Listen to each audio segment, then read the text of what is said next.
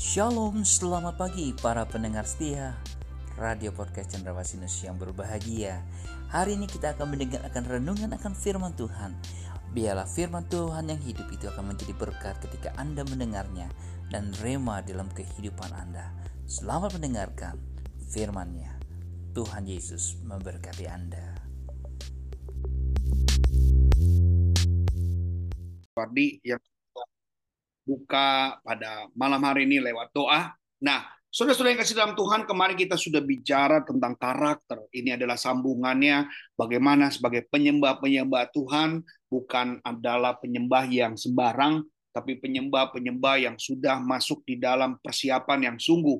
Karena kalau kita tahu dulu di zaman dahulu ketika seorang imam kalau mau masuk di membakar kurban bakaran dia perlu pentahiran dia perlu uh, waktu. Jadi nggak sembarangan tiap hari dia bisa datang untuk membawa doa. Jadi ada waktu-waktu yang sudah ditetapkan bahwa kapan dia harus membawa persembahan, kapan dia harus membakar korban bakaran. Jadi nggak sembarangan. Bahkan seorang imam ataupun seorang kepala ketika uh, mereka memegang atau berjumpa dengan orang yang mati, maka dia harus menunda beberapa waktu untuk bisa ada kembali di dalam rumah ibadat. Jadi ada banyak aturan-aturan yang dipakai sebagai seorang yang bekerja, sebagai seorang yang menjadi pelayan Tuhan. Bahkan seorang yang berambut panjang, ya berkepang-kepang, memakai anting, kemudian juga sedang menstruasi. Mereka adalah orang-orang yang tidak boleh juga masuk di dalam rumah Tuhan. Ada waktu-waktu yang memang mereka ditetapkan untuk mereka bisa kembali lagi kapan waktunya. Seorang anak sundal atau seorang anak haram yang dilahirkan atau dikeluarkan eh, dari istri kedua atau istri ketiga selir, maka mereka pun juga adalah uh, orang yang punya waktu dasar waktu tertentu boleh kembali lagi masuk ke dalam rumah ibadah atau beribadah bersama-sama. Jadi ada aturan-aturan yang begitu berat di zaman-zaman dahulu kalau Bapak Ibu pelajari, jadi kita nggak serta-merta bisa begitu gampang untuk masuk di dalam rumah ibadat dengan kebebasan apa yang kita suka, dengan kebebasan apa yang kita mau, sehingga kita boleh kapan saja bisa masuk. Jadi waktu di zaman perjanjian lama mereka-mereka yang sedemikian itu punya uh, satu apa ya aturan ya sebuah aturan yang di mana mereka tidak sebisa apa yang mereka mau. Jadi kalau mereka ada kesalahan, mereka ada kekurangan, mereka ada bahkan orang buntung, orang kidal pun ya dikatakan orang buntung ya orang yang tidak sempurna juga mereka adalah orang-orang yang tidak boleh masuk dalam rumah ibadah. Jadi ada satu hal-hal yang memang membuat kita menjadi betapa eh, kudusnya, betapa benarnya eh, kekudusan Allah itu, ya, bait sucinya Tuhan. Sehingga kalau hari ini di zaman era modern sudah lihat orang bisa bikin apa saja, habis bikin dosa bisa melayani, habis ribut sama tetangga bisa melayani, habis pukul anak bisa melayani, habis ngomel-ngomel bisa melayani. Nah, apakah ini yang dinamakan kebenaran nyata. Kadang-kadang kita egois ya, kita tidak menyadari bahwa zaman sekarang banyak pelanggaran-pelanggaran yang seharusnya kita taati, harusnya kita hargai dan hormati sebagai anak-anak Tuhan, ini tidak kita lakukan. Kita terlalu memudahkan atau mengesampingkan, bahkan menganggap enteng, memandang sebelah mata pelayanan-pelayanan yang dulu-dulu mereka dilarang, dulu-dulu mereka sangat di, uh, tidak diizinkan, tapi saat sekarang ini orang begitu bebas masuk keluar masuk bahkan dalam keadaan dosa, dalam keadaan apa pun bahkan lagi-lagi mereka anak haram pun mereka bisa masuk bahkan mereka yang sedang mensurasi mereka bisa beribadah dulu nggak bisa. Seorang wanita yang sedang eh, maaf saya katakan datang bulan mereka nggak boleh ibadah.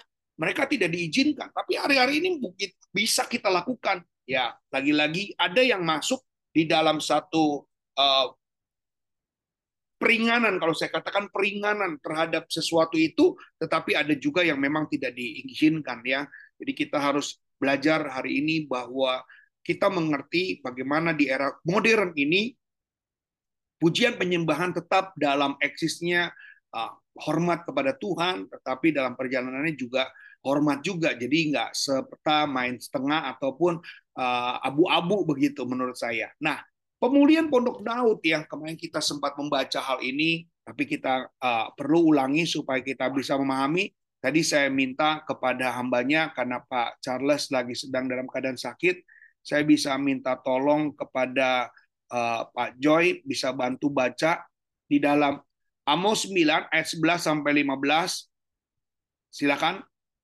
Amos 9 ayat 11 sampai 15. Ya. Benar.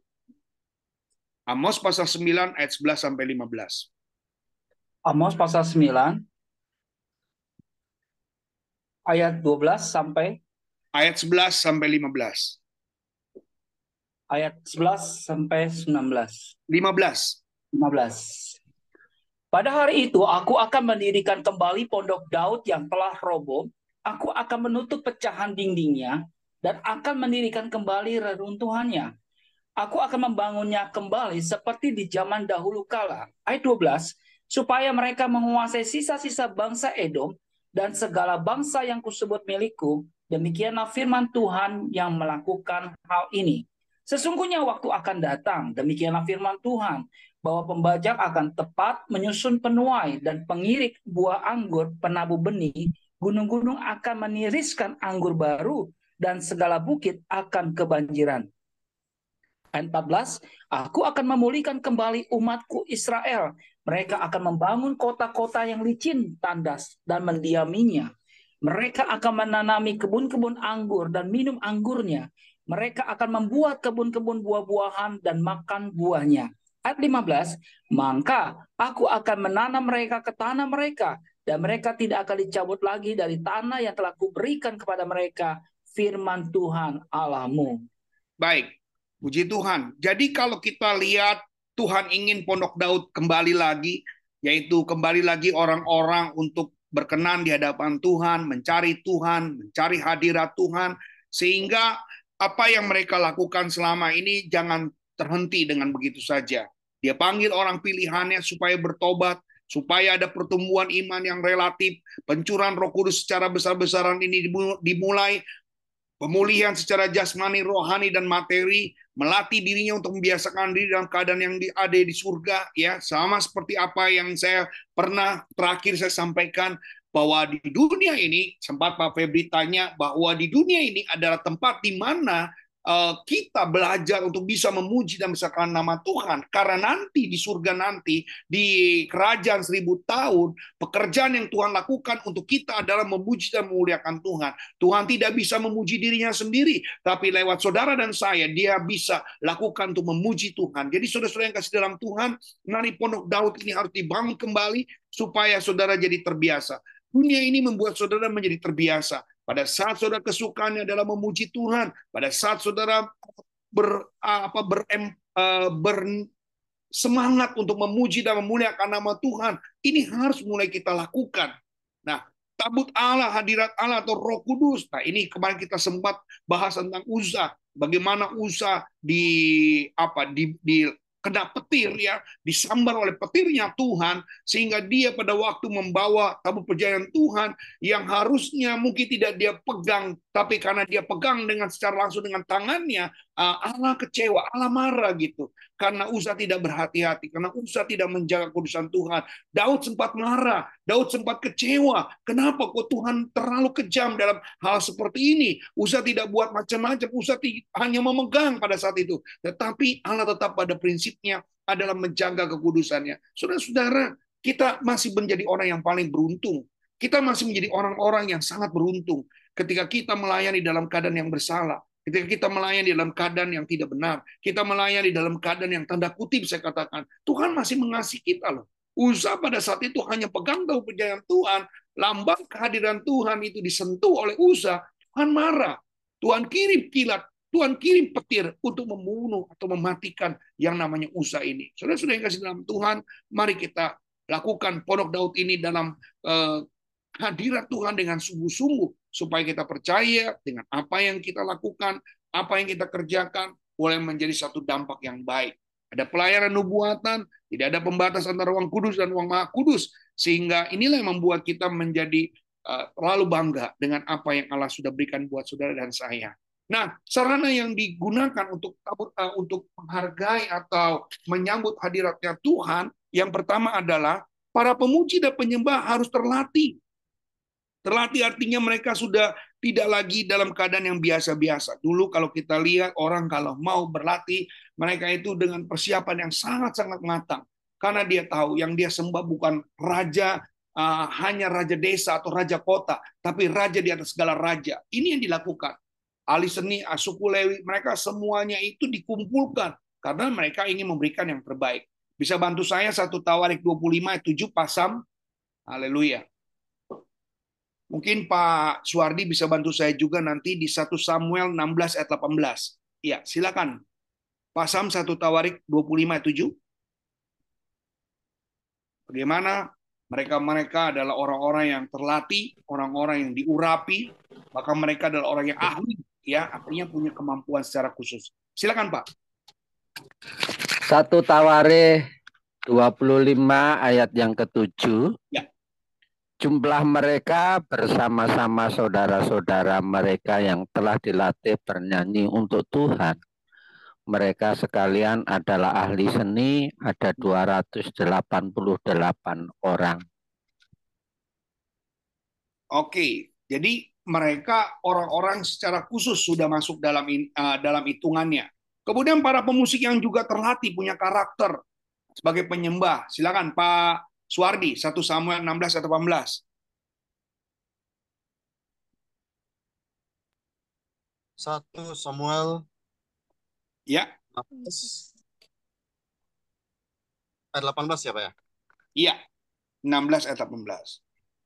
Lalu jawab salah seorang hamba itu katanya, sesungguhnya aku telah melihat salah seorang anak laki-laki Isai, orang Bethlehem itu, yang pandai main kecapi. Dia seorang pahlawan yang gagah perkasa, seorang prajurit yang pandai bicara, elok perawakannya dan Tuhan menyertai dia. Wow, jadi memang betul-betul bukan orang sembarang. Jadi sarana yang diperlukan ini betul-betul dengan persiapan yang sungguh. Kalau kita hari ini bisa melayani Tuhan mungkin dengan asal, dengan sikap yang santai, merasa bahwa ya sudah biasa sajalah, layani apa adanya daripada nggak ada. Kalau dilihat dulu, rasanya kita ini menggampangkan. Setuju atau tidak setuju ya, saya boleh sampaikan ini kita menggampangkan betapa seringnya kita terlalu menggampangkan untuk kita bisa melakukan pujian dan penyembahan kepada Tuhan. Bapak Ibu yang kasih dalam Tuhan, mengapa kita belajar hari ini supaya Bapak Ibu lebih jelas. Kalau hari-hari ini sebenarnya kita sudah sangat menurun sebenarnya. Sudah sangat menyedihkan kalau saya katakan. Bukan mengatur dengan sebaik mungkin, tapi kita mungkin melakukan sesederhana mungkin. Dan sepertinya Allah ini adalah Allah yang maklum.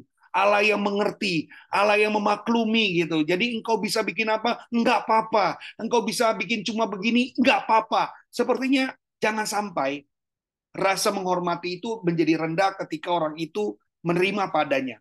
Ya betul ya. Kalau saudara misalnya nih ketemu orang dikasih roti, dia diam, tetap senyum begitu, bahkan dia lebih menghormati. Saya yakin anda akan merasa bahwa roti itu disukai oleh orang itu dan Anda tidak akan pernah lebih kasihnya. Kenapa? Anda tahu dia hanya suka roti. Padahal belum tentu, belum tentu. Kadang-kadang bukan arti ini ini yang saya katakan pelajaran buat kita sangat penting bagaimana kita bisa melakukan, bagaimana kita bisa melaksanakan sebaik-baiknya. Ini paling penting. Operator yang diurapi mengenai keseimbangan sound antara musik dan vokal, praise and worship, mereka penting, penting. Sound system yang baik dan alat musik yang baik, sebenarnya mereka adalah orang-orang yang penting.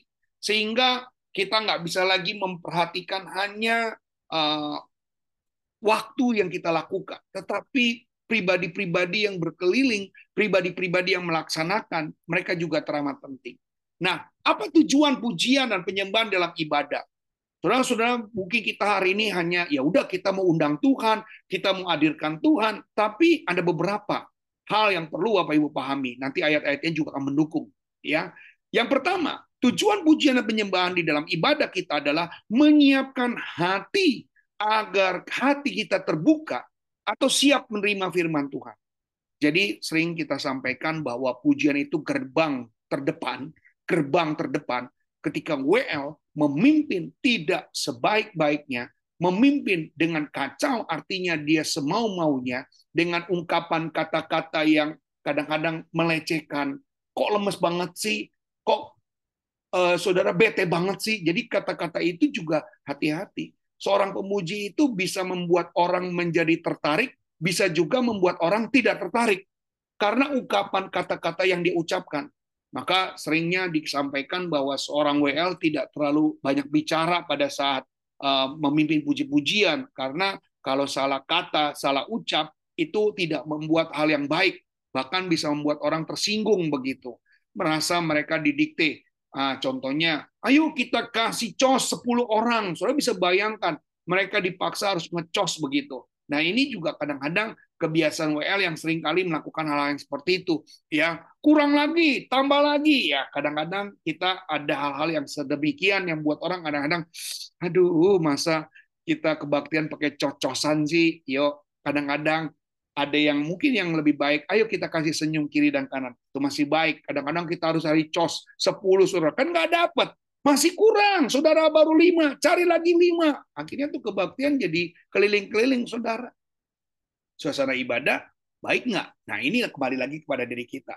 Ya, kadang-kadang berlebihan. Coba kasih salam kiri kanan. Itu masih lebih baik. Jangan, ayo kita kasih cos 15 orang. Wow, Saudara-saudara, itu kagak nyanyi-nyanyi, saudara. Ngecos aja 15 orang. Saya kadang-kadang jadi baru mengerti, oh iya, kadang-kadang kita suka salah dalam memahami tentang hal seperti ini. Yang kedua, untuk menghadirkan suasana hadirat Allah. Nah, ingat, yang membawa suasana hadirat Allah adalah orang-orang yang sudah terbiasa berjumpa dengan Allah. Jadi jangan berpikir saudara yang nggak pernah yang nggak pernah melakukan dan belum berjumpa dengan apa yang disampaikan dengan hubungannya dengan Tuhan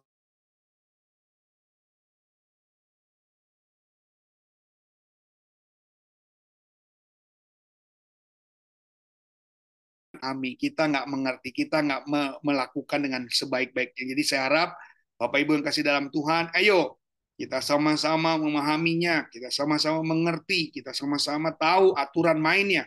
Ayolah kita mulai. Bagaimana kita bisa menyampaikan sebuah pesan, memberikan sebuah pesan. Agar apa? Agar nama Tuhan dimuliakan, nama Tuhan ditinggikan, nama Tuhan diagungkan. Jadi belajar dari hal-hal yang sedemikian membuat kita menjadi seorang yang berkenan di hadapan Tuhan.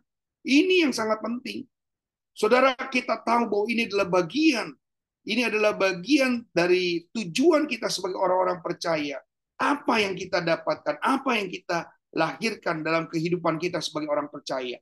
Yang kedua, ya kita baca dulu deh. Mazmur 100 ayat 4. Pak Joy, Mazmur 100 ayat 4. Iya. Masuklah melalui pintu gerbangnya dengan nyanyian syukur hmm. ke dalam pelatarannya dengan puji-pujian. Bersyukurlah kepadanya dan pujilah namanya. Amin. Lanjut, Pak Sam, Mazmur 22 ayat 4.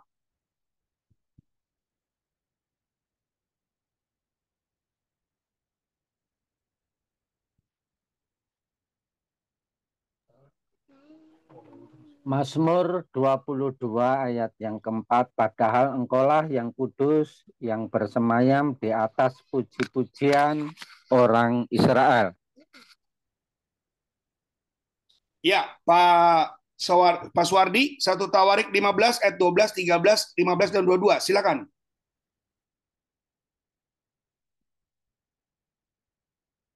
Ya. Satu Tawarik 15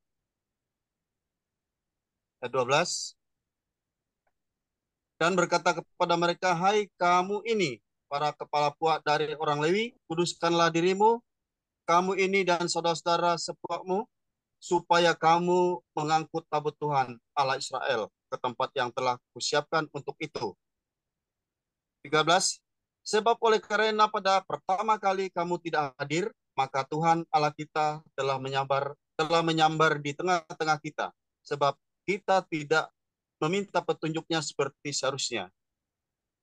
15. Kemudian Bani Lewi mengangkat tabut Allah itu dengan gandar pengusung di atas bahu mereka seperti yang diperintahkan Musa sesuai dengan firman Tuhan. 22 Kenanya pemimpin orang Lewi mendapat tugas pengangkutan, ia mempelai ia mengepalai pengangkutan sebab ia paham dalam hal itu. Iya, puji Tuhan.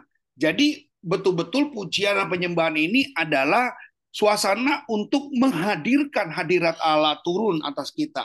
Jadi kita percaya bahwa Allah sedang melihat, bukan Allah tidak ada ya, Allah melihat kita ini bagaimana cara kita waktu memanggil Dia, bagaimana cara kita waktu kita rindu hendak dengan apa yang Dia mau berikan kepada saudara dan saya. Seumpama seperti saudara ini menginginkan sesuatu yang luar biasa dalam dirinya Allah, sesuatu yang besar dari dirinya Tuhan untuk kita alami. Jadi ada satu kerinduan yang besar begitu sebagai orang tua yang kita tunggu-tunggu pengen kasih hadiah buat kita dan kita di rumah pengennya udah berpikir apa yang Allah mau kasih. Nah, hal yang seperti ini kita harus lakukan. Mandi apa biasanya kita kan lakukan seperti itu. Jadi jangan serta-merta kita memudahkan atau menggampangkan untuk kita menjumpai Allah. Kita lihat lagi 1 Samuel 16 ayat 16 sampai 23 Pak Joy. Nanti Pak Sam Efesus 6 ayat 12. Nanti ya, Pak Wardi 2 Tawarik 20 ayat 21 22. Silakan. 1 Samuel pasal 16 ayat 16 sampai 23. Ya. Baiklah tuanku menitakan hamba-hambamu yang di depanmu ini mencari seorang yang pandai main kecapi. Apabila roh jahat yang daripada Allah itu hingga padamu, haruskah ia main kecapi, maka engkau merasa nyaman. Berkatalah Saul kepada hamba-hambanya itu, carilah bagiku seorang yang dapat main kecapi dengan baik, dan bawalah dia kepadaku. Lalu jawab salah seorang hamba itu katanya, sesungguhnya aku telah melihat salah seorang laki-laki Isai, orang Bethlehem itu yang pandai main kecapi, ia seseorang pahlawan yang gagah perkasa, seorang prajurit yang pandai bicara, elok perawakannya, dan Tuhan menyertai dia. Amin.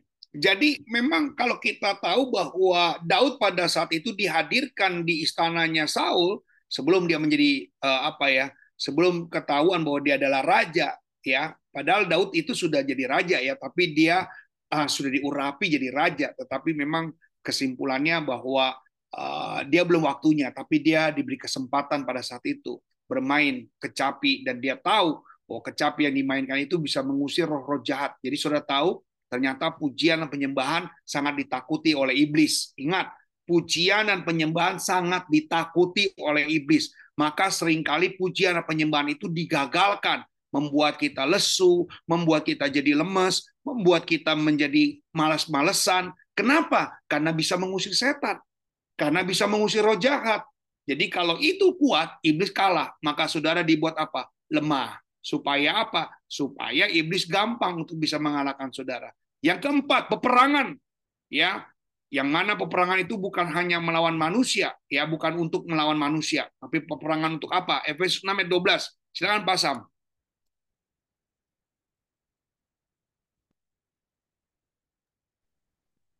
Ya. Efesus 6 ayat 12. Demikian firman Tuhan. Karena perjuangan kita bukanlah melawan darah dan daging, tetapi melawan pemerintah-pemerintah, melawan penguasa-penguasa, melawan penghulu-penghulu dunia yang gelap ini, melawan roh-roh jahat di udara. Ya, roh-roh jahat di udara. Jadi memang saudara, kuasa pujian penyembahan itu hebat luar biasa. Jadi Bapak Ibu, jangan pernah meremehkan. Kalau saudara betul-betul sungguh-sungguh, masalah apa pun yang sedang kita hadapi, persoalan apa pun yang sedang Bapak Ibu hadapi, Tuhan akan berpihak dengan saudara. Dan kekuatan itu menjadi dahsyat buat hidup saudara. Menghancurkan kekuatan musuh, silakan. Pak Suwardi, 2 Tawarik 20. Iya. 2 Tawarik, 2 Tawarik 20, 21, dan 22. Setelah ia berunding dengan rakyat, ia mengangkat orang-orang yang akan menyanyi nyanyian untuk Tuhan dan memuji Tuhan dalam pakaian kudus yang semarak pada waktu mereka keluar di muka orang-orang bersenjata sambil berkata, Nyanyikanlah nyanyian syukur bagi Tuhan, bahwasanya untuk selama-lamanya kasih setianya. Ketika mereka mulai bersorak-sorai dan menyanyikan nyanyian pujian, dibuat Tuhanlah penghadangan terhadap Bani Amon dan Moab dan orang-orang dari pegunungan Seir yang hendak menyerang Yehuda sehingga mereka terpukul kalah. Wow. Jadi memang betul-betul uh, cara Tuhan, pujian. Jadi saudara jangan berpikir bahwa pujian itu biasa saja. Ternyata hari ini kita bisa lihat dia bisa mampu menghancurkan kekuatan musuh ya sebesar apa pun Tuhan akan mampu melewatinya. Yang berikutnya ya Pak Joy 1 Samuel 10 ayat 5 sampai 11. 1 Samuel pasal 10 ayat 5 sampai ayat 11. Sesudah itu engkau akan sampai ke Gibea Allah, tempat kedudukan pasukan orang Filistin. Dan apabila engkau masuk kota, engkau akan berjumpa di sana dengan segerombolan nabi yang turun dari bukit pengorbanan dengan gambus, rebana, suling, dan kecapi di depan mereka. Mereka sendiri akan kepenuhan seperti nabi. Maka roh Tuhan akan berkuasa atasmu, engkau akan kepenuhan bersama-sama dengan mereka dan berubah menjadi manusia lain. Apabila tanda-tanda ini terjadi kepadamu, lakukanlah apa saja yang dapat oleh tanganmu, sebab Allah menyertai engkau. Engkau harus pergi ke Gilgal mendahului aku dan camkanlah aku akan datang kepadamu dan mempersembahkan korban bakaran dan korban keselamatan. Engkau harus menunggu tujuh hari lamanya sampai aku datang kepadamu dan memberitahukan kepadamu apa yang harus kau lakukan. Sedang ia berpaling untuk pergi meninggalkan Samuel, maka Allah mengubah hatinya menjadi lain. Dan segala tanda-tanda yang tersebut itu terjadi pada hari itu juga. Ketika mereka sampai di Gibea dari sana, maka bertemulah ia dengan segerombolan nabi. Roh Allah berkuasa atasnya dan Saul turut kepenuhan seperti nabi di tengah-tengah mereka. Dan semua orang yang mengenalnya dari dahulu melihat dengan heran bahwa ia bernubuat bersama-sama dengan nabi-nabi itu. Lalu berkatalah orang banyak yang satu kepada yang lain, apakah gerangan terjadi dengan anak itu? Apa Saul juga termasuk golongan nabi?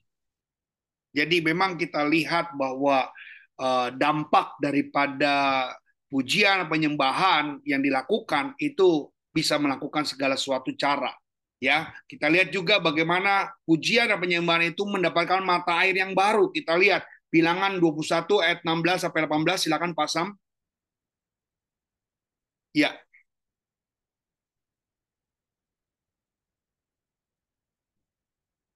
Bilangan 21 ayat 16 sampai 18.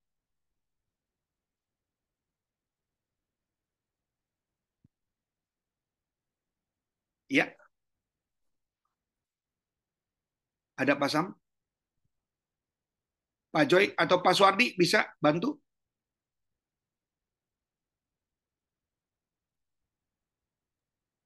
Silakan. Ya, bilangan. Bilangan, bilangan pasal 21 ayat 16 sampai 18. Dari sana mereka ke Bir, inilah sumur di mana Tuhan berfirman kepada Musa, kumpulkanlah bangsa itu maka aku akan memberikan air kepada mereka. Pada waktu itu orang Israel bernyanyi nyanyian ini, berbual-bualah hai sumur, mari kita bernyanyi-nyanyi berbalas-balasan karena sumur yang digali oleh raja yang dikorek oleh kaum bangsawan di antara bangsa itu dengan tongkat-tongkat kerajaan, dengan tongkat-tongkat mereka, dan daripada gurun mereka ke.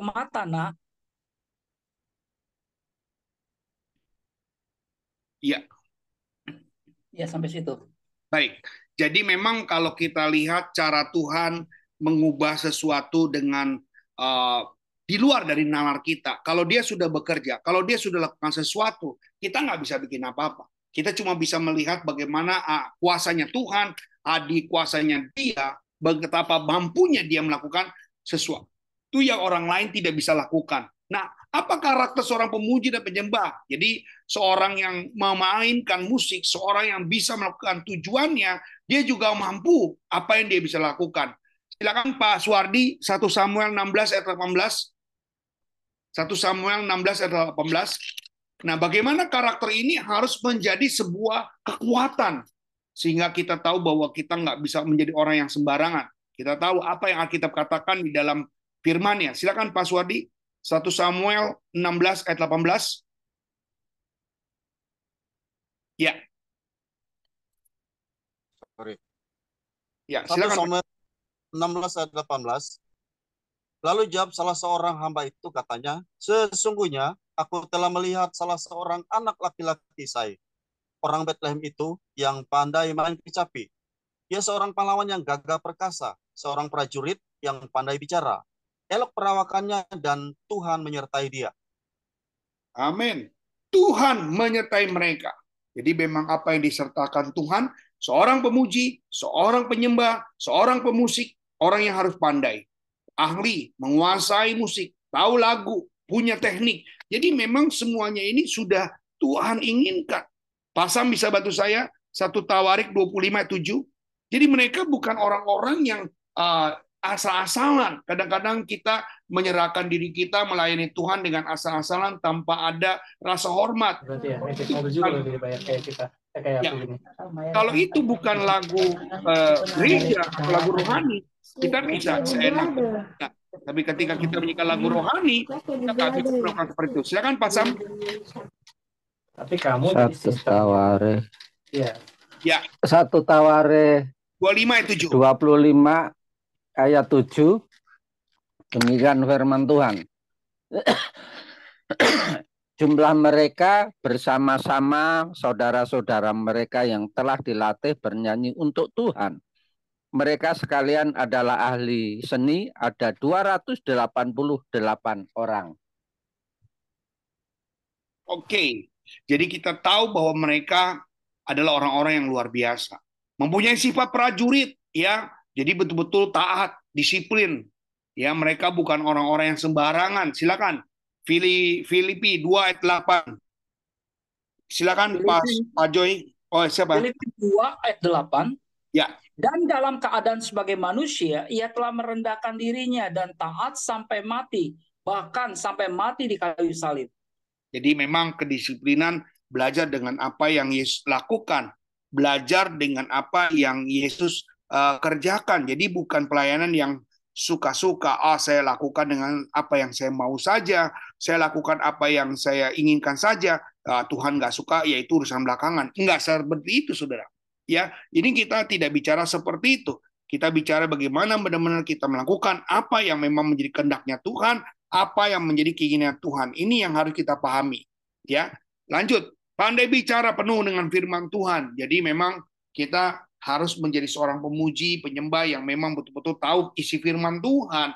Jadi kadang-kadang bagaimana kita bisa mengerti firman kalau kita nggak pernah baca firman. Saudara bisa mengerti firman, saudara bisa baca firman adalah saudara membacanya dengan sungguh-sungguh. Ketika saudara tidak membaca dengan sungguh-sungguh, jangan harap saudara ngerti dengan firman. Silakan 1 Petrus 4 ayat 11, Pak Suwardi. 1 Petrus 4 ayat yang ke-11.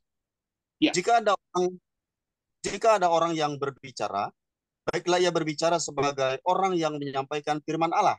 Amen. Jika orang yang melayani, baiklah ia melakukannya dengan kekuatan yang dianugerahkan Allah, supaya Allah dimuliakan dalam segala sesuatu karena Yesus Kristus. Ialah yang punya dan kuasa sampai selama-lamanya. Luar biasa, ya. Jadi memang cara Tuhan ini sangat luar biasa. Dia tidak pernah lupa, dia tidak pernah meninggalkan, dia tidak pernah uh, melepaskan saudara. Dia juga adalah orang yang peka. Seorang pemuji penyembah adalah orang yang peka. Jadi kalau satu saat ada orang yang ingin bawa dia mundur, melakukan uh, dosa, ya jauh daripada Tuhan, meninggalkan Tuhan, mereka orang yang peka. Ingat, mereka adalah orang yang disertai Tuhan. Silakan Pak Joy baca. Yohanes 14 ayat 15 sampai 17.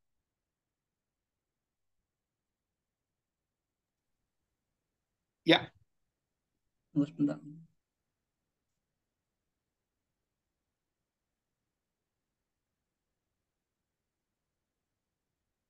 Yohanes pasal 14 ayat 15 sampai 17. Jika kamu meminta sesuatu kepadaku dalam namaku, aku akan melakukannya. Jikalau kamu mengasihi aku, maka kamu akan menuruti segala perintahku. Aku akan minta kepada Bapa dan ia akan memberikan kepadamu seorang penolong yang lain, supaya ia menyertai kamu selama-lamanya. Yaitu roh kebenaran. Dunia tidak dapat menerima dia. Sebab dunia tidak melihat dia dan tidak mengenal dia. Tetapi kamu mengenal dia sebab ia menyertai kamu dan akan diam di dalam kamu. Amin. Jadi memang cara Tuhan selalu uh, unik ya, dia bisa lakukan. Maka oleh karena itu apa yang selama ini kita uh, percaya, apa yang kita imani harus menjadikan satu komitmen kita. Itu paling penting. Penampilannya harus elok ya, perawakannya muka berseri-seri. Jadi kadang-kadang kalau kita lihat ada pemain-pemain pemuji Tuhan pakai anting, ada yang pakai tato ya. Saya juga kadang-kadang juga nggak seret ya. Kalau saudara lihat ya, lagu-lagu yang lagu-lagu luar negeri yang dinyanyikan oleh Hillsong atau dari tim-tim yang lain.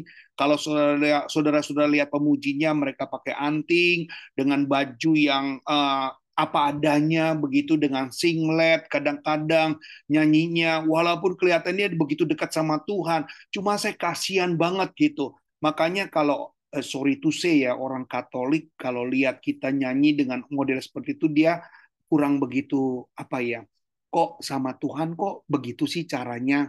Saudara bisa sadar nggak gitu? Kok sama Tuhan kok pakai bajunya kok seperti ini begitu. Nah jadi kadang-kadang sebenarnya Tuhan nggak mau juga.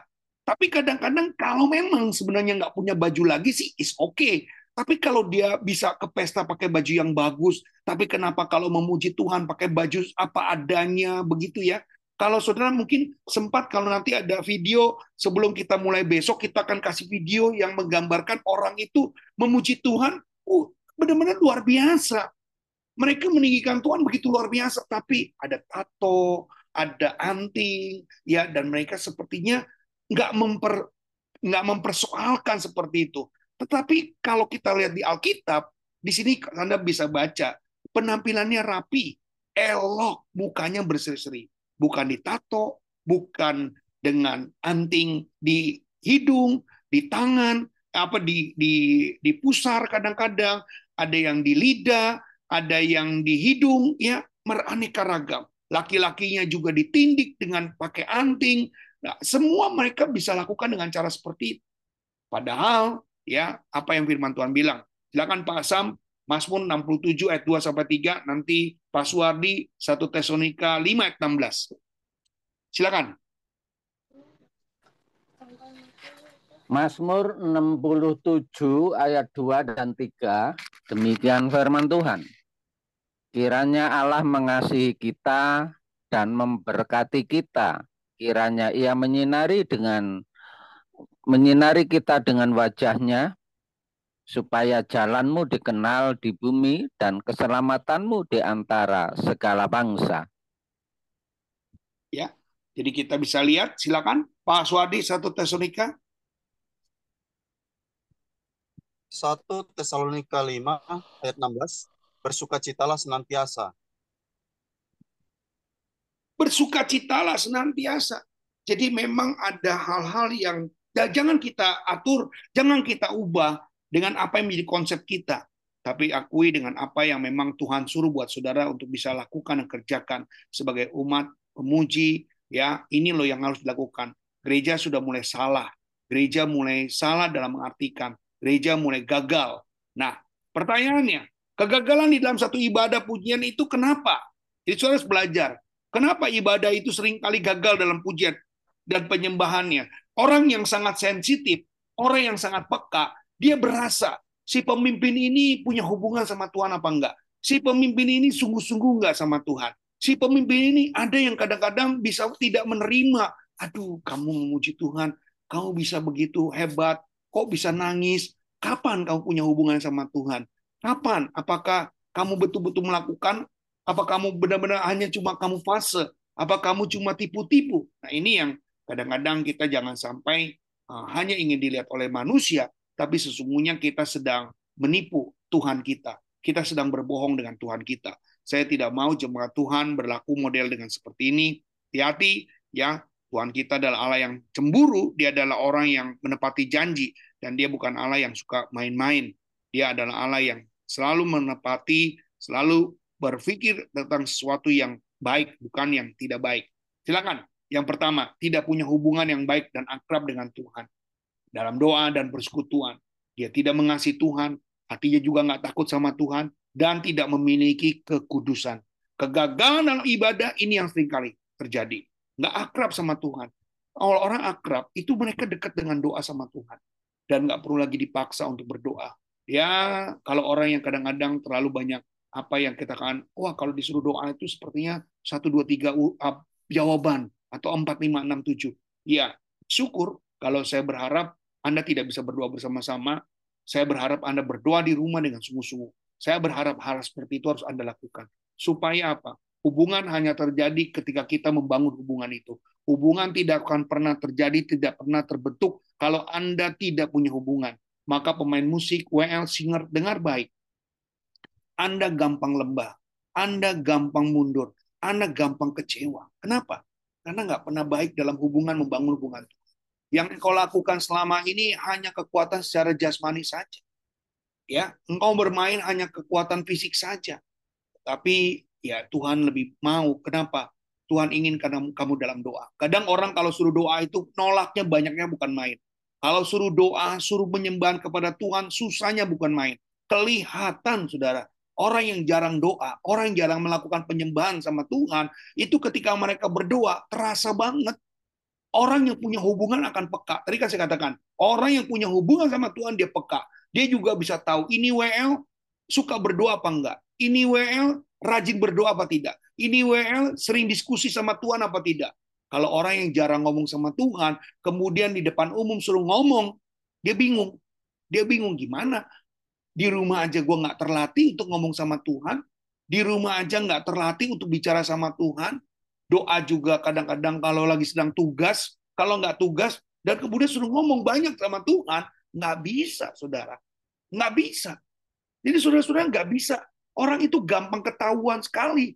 Apalagi orang yang suka setia berdoa, dia bisa berasa, wah ini dia orang nggak punya persiapan ini. Ini ya, tapi kadang-kadang kita harus berjiwa besar ya. Orang-orang yang punya hubungan dekat sama Tuhan, dia peka sekali dengan orang-orang yang nggak sungguh-sungguh sama Tuhan. Maka yang sungguh-sungguh sama Tuhan hanya engkau yang tahu. Hanya engkau dengan dirimu dengan Tuhan. Kadang-kadang kita sebagai hamba Tuhan nggak bisa menghakimi, tapi dirimu sendiri yang bisa menjawab. Kita nggak mungkin menghakimi ya. Kita juga nggak mau sampai Anda menjadi kecewa cuma gara-gara disuruh doa, disuruh menyembah sama Tuhan. Padahal hal ini, maka saya bilang, waktu kita punya pelajaran pertama, pelayanan yang pertama bukan melayani orang lain. Pelayanan yang utama adalah melayani dirimu sendiri. Bagaimana melayani diri kita sendiri? Dengan berdoa, dengan memuji Tuhan, dengan memuliakan Tuhan. Itu pelayananmu yang benar. Itu yang kamu bisa lakukan. Jadi kita nggak bisa disebut dalam pelayanan itu hanya melakukan apa yang kita lakukan dengan suka kita. Ya. Amin. Ya. Haleluya. Pasti nih semua luar biasa hari ini. Semangat ya. Ada dosa yang belum diselesaikan dengan Tuhan dan juga dengan manusia. Masih punya dendam, masih punya musuh. Saudara-saudara, ini yang sering kali terjadi. Kenapa pujian gagal? Kenapa penyemang gagal? Karena masih punya masalah. Dia nggak bisa beres. Dia punya ke, apa dikatakan punya persoalan yang belum beres. Dia masih hidup ya dengan dosa itu. Dia masih diam di dalam dosa itu. Nah ini yang nggak bisa kita anggap enteng ya. Kemudian ada akar kepahitan, luka batin, keterikatan dengan kuasa kegelapan, ya akar kepahitan. Misalnya dia pernah dilecehkan, dia pernah mungkin ada dulu ya diperkosa ya, kemudian dia saat ini jadi WL. Dia belum beres luka batinnya. Akhirnya dia selalu kalau puji-pujian nangisnya sejadi nangisnya, sejadi-jadinya. Orang bingung kok dia kok bisa seperti itu? Kenapa? Ketika dia tutup mata, dia melihat dia sedang disiksa. Jadi waktu dia tutup mata bukan yang ketemu sama Tuhan. Ya ini konseling terjadi akhirnya membuktikan bahwa anak ini pernah diperkosa sama, sama pamannya sendiri. Sehingga waktu dia tutup mata, dia merasakan bukan merasakan hadirat Tuhan, tapi dia merasakan sedang di, dilecehkan oleh pamannya itu. Sehingga waktu dia tutup mata, dia nangis sejadi-jadinya. Orang orang yang lagi sedang uh, baper ya, dengar orang nangis, dia ikut nangis. Sehingga dia bilang apa? Ini well luar biasa. Hadiratnya luar biasa. Padahal setelah dia jujur, dia punya kepahitan. Dia punya kepahitan. Setiap dia tutup mata, dia pasti menangis. Setiap dia tutup mata, dia teringat dia sedang digagahi oleh pamannya. Wow, ini buat saya ini mission impossible. Kok bisa? Jadi karena memang kadang-kadang kita harus ngaku ya, makanya uh, keterbukaan adalah awal pemulihan, ya seperti ini. Kalau kamu lagi nggak beres sama Tuhan, jujur aja, saya jangan dijadwalkan dulu dong. Sorry ya, kenapa uh, ada nih something wrong. Ngomong sama pemimpinnya, saya lagi begini nih, saya lagi begini-gini. Ya, kenapa? Karena kalau saudara tidak jujur, itu membawa kepada jemaat. Transfer spirit, karena sudah ada di dalam mimbar.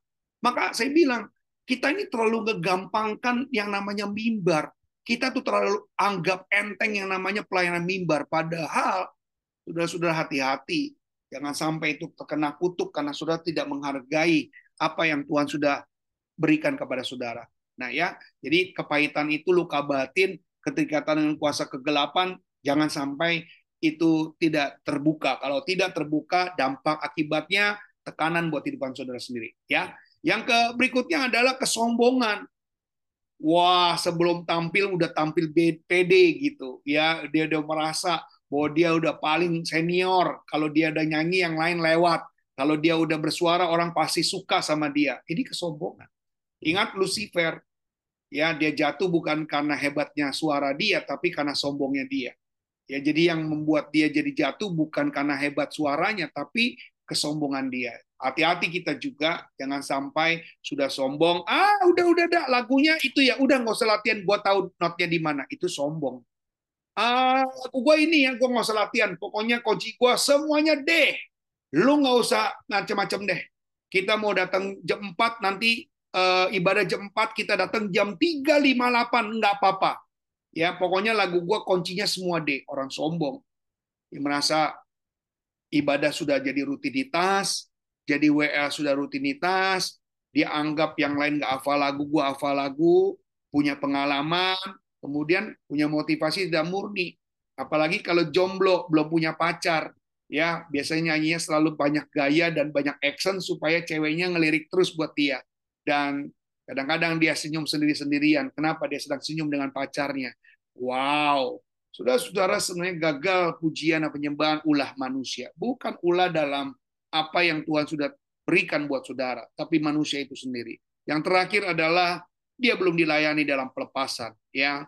Dia terburu karena suaranya bagus, karena dia hebat, ya karena dia mampu, suaranya lebih daripada WL-WL yang lain. Jadi daripada dia kabur, kita buru-buru tarik dia untuk jadi pelayan Tuhan. Padahal dia terikat dengan okultisme, dia terikat dengan kuasa-kuasa kegelapan, dia terikat dengan yang namanya roh-roh jahat, jadi kacau semuanya, ya.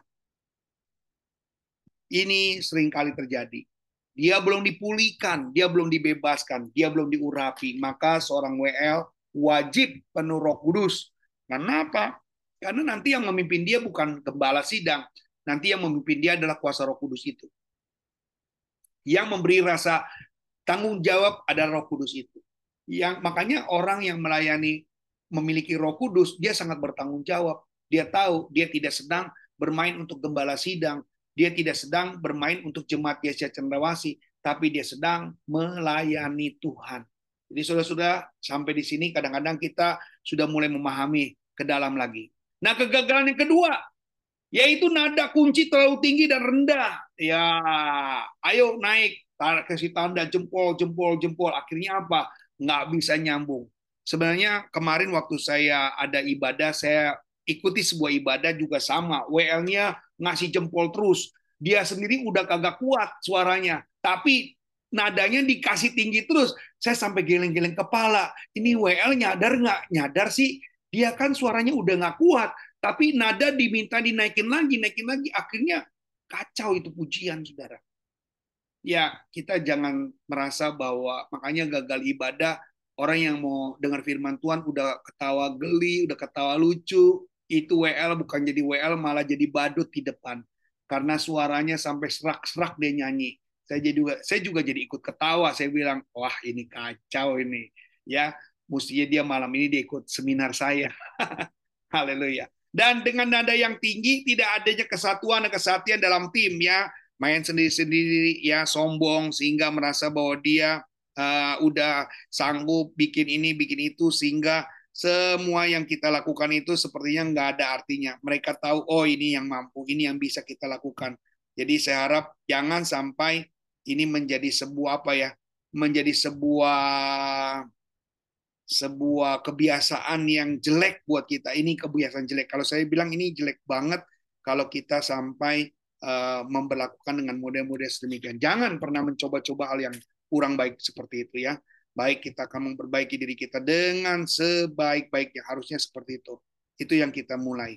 Yang berikutnya tidak setia dengan perkara kecil, kurang serius, kurang menghargai, kurang persiapan, tidak ada kesatuan, harus punya visi misi, ya komitmen yang kuat dengan panggilan Tuhan. Jadi kalau saudara punya komitmen, saya yakin saudara tidak akan pernah, ya sekali lagi tidak akan pernah Saudara tidak akan pernah untuk membuat kegagalan yang bodoh atau melakukan sebuah pekerjaan yang bodoh. Yaitu saudara harus tahu apa yang menjadi tanggung jawab saudara.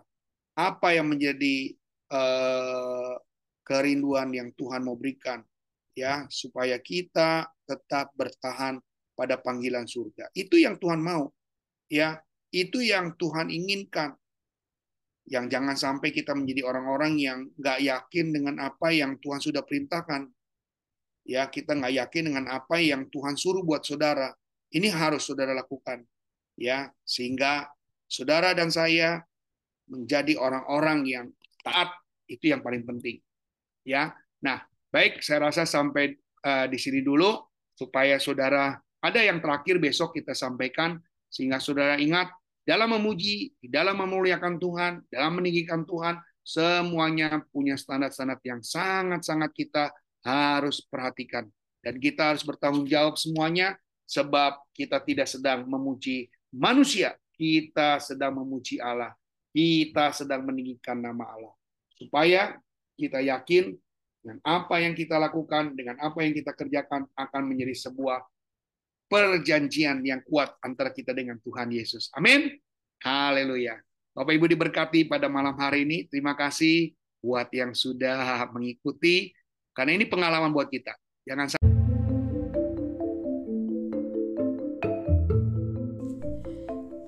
Sampai jumpa esok hari. Kiranya damai sejahtera dari Allah Bapa, kecintaan kasih daripada Tuhan Yesus Kristus, dan persekutuan Roh Kudus menyertai kita mulai hari ini, esok, sampai Maranatha. Tuhan Yesus datang kedua kalinya. Sampai jumpa. thank you